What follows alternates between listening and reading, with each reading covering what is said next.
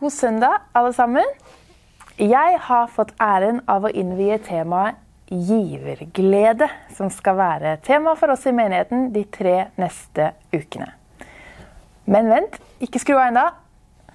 Dette her tror jeg faktisk at blir veldig bra, og jeg tror at det er veldig mye viktig som skal sies. Når jeg har eh, forberedt meg til denne talen, så har jeg bare kjent at det har kribla i meg, og jeg har kjent meg skikkelig inspirert og temmelig utfordra. Eh, helt ut i fingertuppene, faktisk. Så eh, jeg bare håper og ber om at orda som kommer fra meg i dag, kan gjøre det samme for dere der hjemme. Det er ikke et spesielt komfortabelt tema, eh, men jeg mener helt på alvor at jeg tror det er liv og frihet i dette temaet her. Bare hør meg ut, som vi ikke sier på norsk. Men Temaet for dagens tale er altså det handler ikke om penger, men om frihet i Kristus. Jeg har hørt mang en kollekttale hvor jeg sitter igjen mer skeptisk enn inspirert. Litt sånn mm -hmm, Jeg skjønner såpass at dere trenger penger, eh, men det forkles som at Gud elsker en glad giver. Eh, bare si det som det er. Du trenger pengene mine. Eh, det er et lite minefelt, dette her. Eh, ordlegger du deg riktig galt, så havner du fort på forsiden av eh, nasjonale nyheter som religiøs sjefsmanipulator.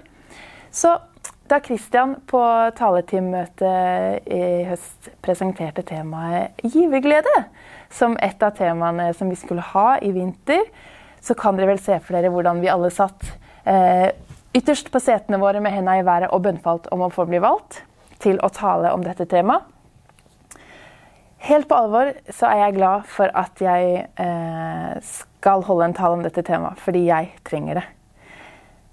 Jeg trenger å ta et alvorlig blikk på hvordan jeg styrer og prioriterer økonomien min, og spørre meg selv om jeg lever det jeg tror.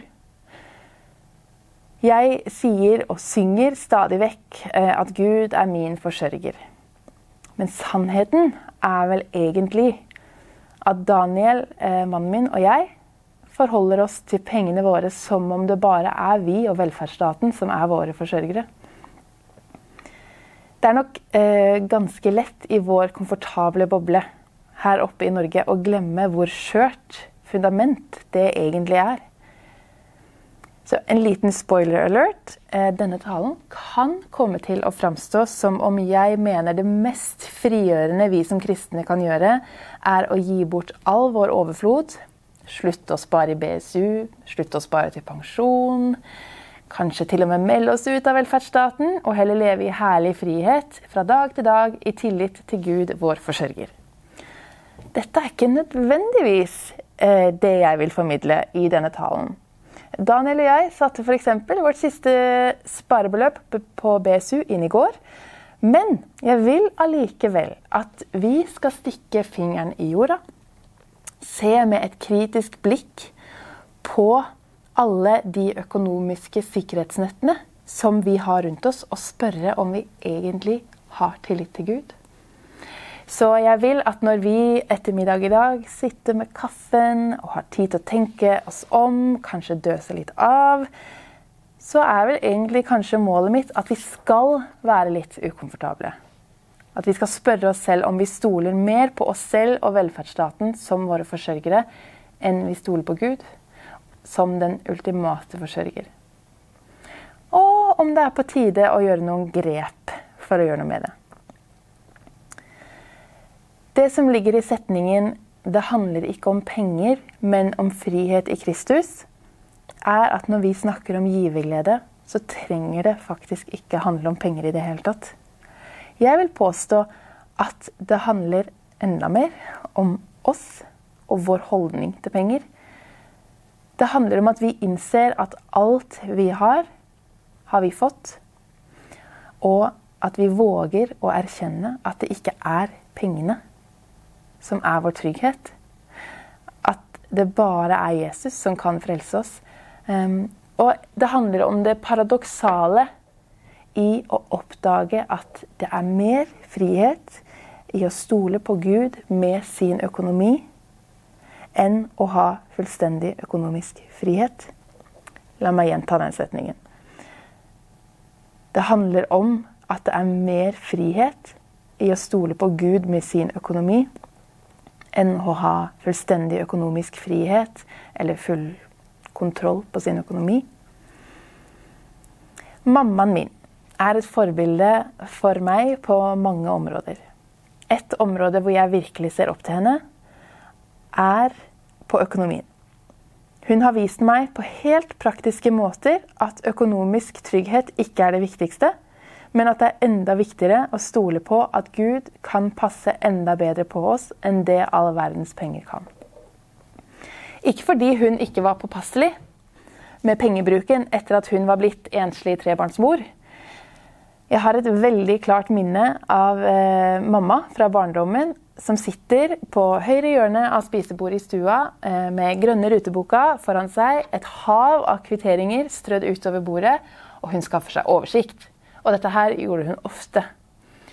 Men en av de viktigste og største utgiftspostene for mamma siden hun ble enslig alenemor, det var tiende.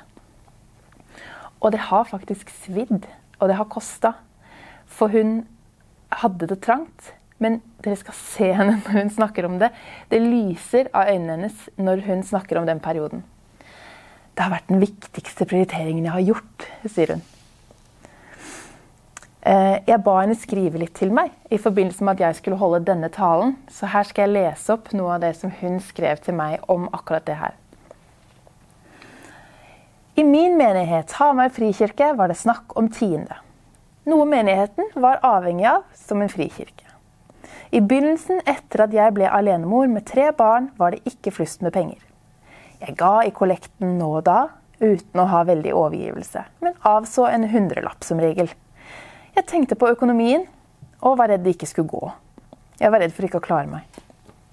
Så best å ha kontroll.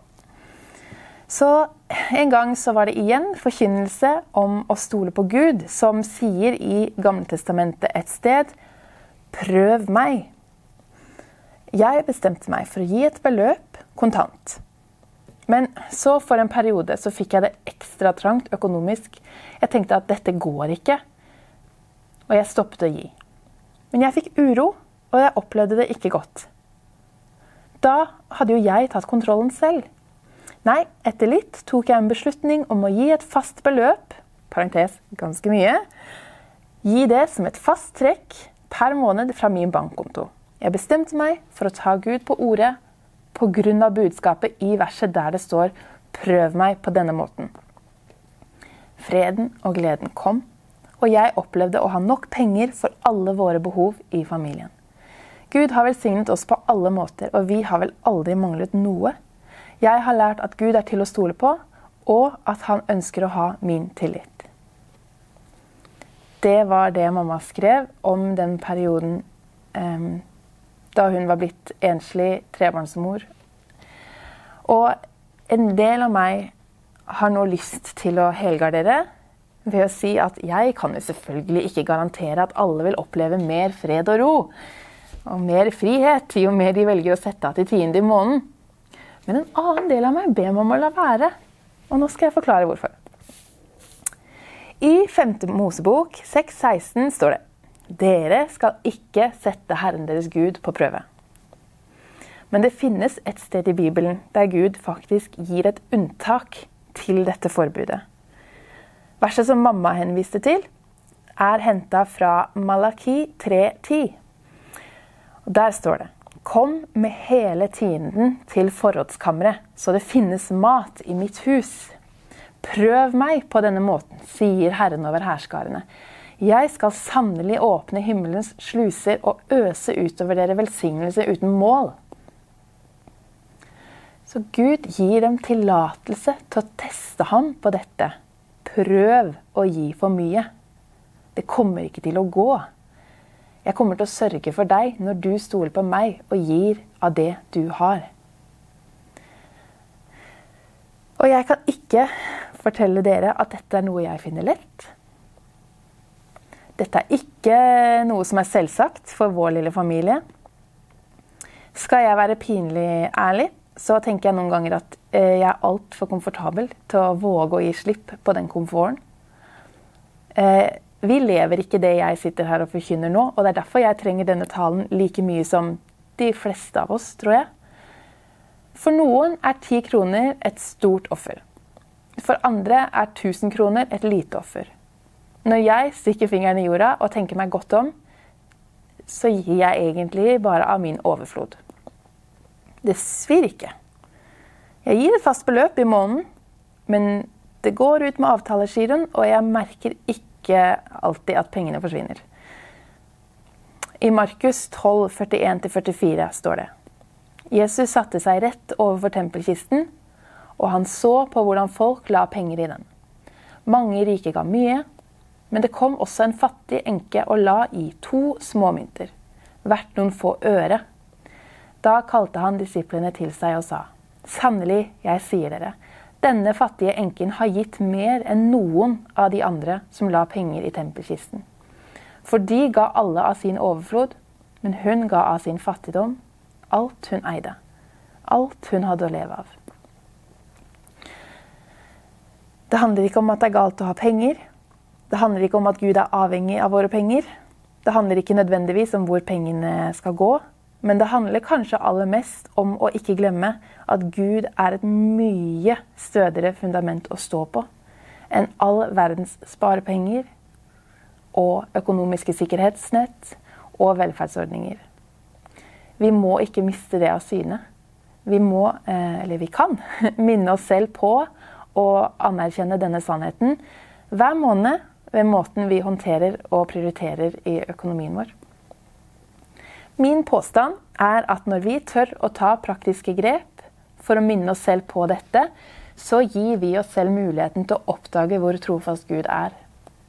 Og hvor mye mer ekte frihet det er i å stole på Gud med sine finanser, enn å ha alle sikkerhetsnett på plass rundt sine finanser. Det virker paradoksalt, og det går helt på tvers av det meste vi hører. Men mamma fikk oppdage at eh, det var først da hun bestemte seg for å gi mer enn det som var komfortabelt, at hun slutta å mangle noe. Og det viktige var ikke hvor mye penger i kroner og øre hun ga. Det viktige var at hun oppdaget at det ikke var pengene som var hennes frihet og trygghet. Det var Jesus. Så tør vi å prøve Gud på dette, som han har sagt at vi kan. Det er min utfordring til oss.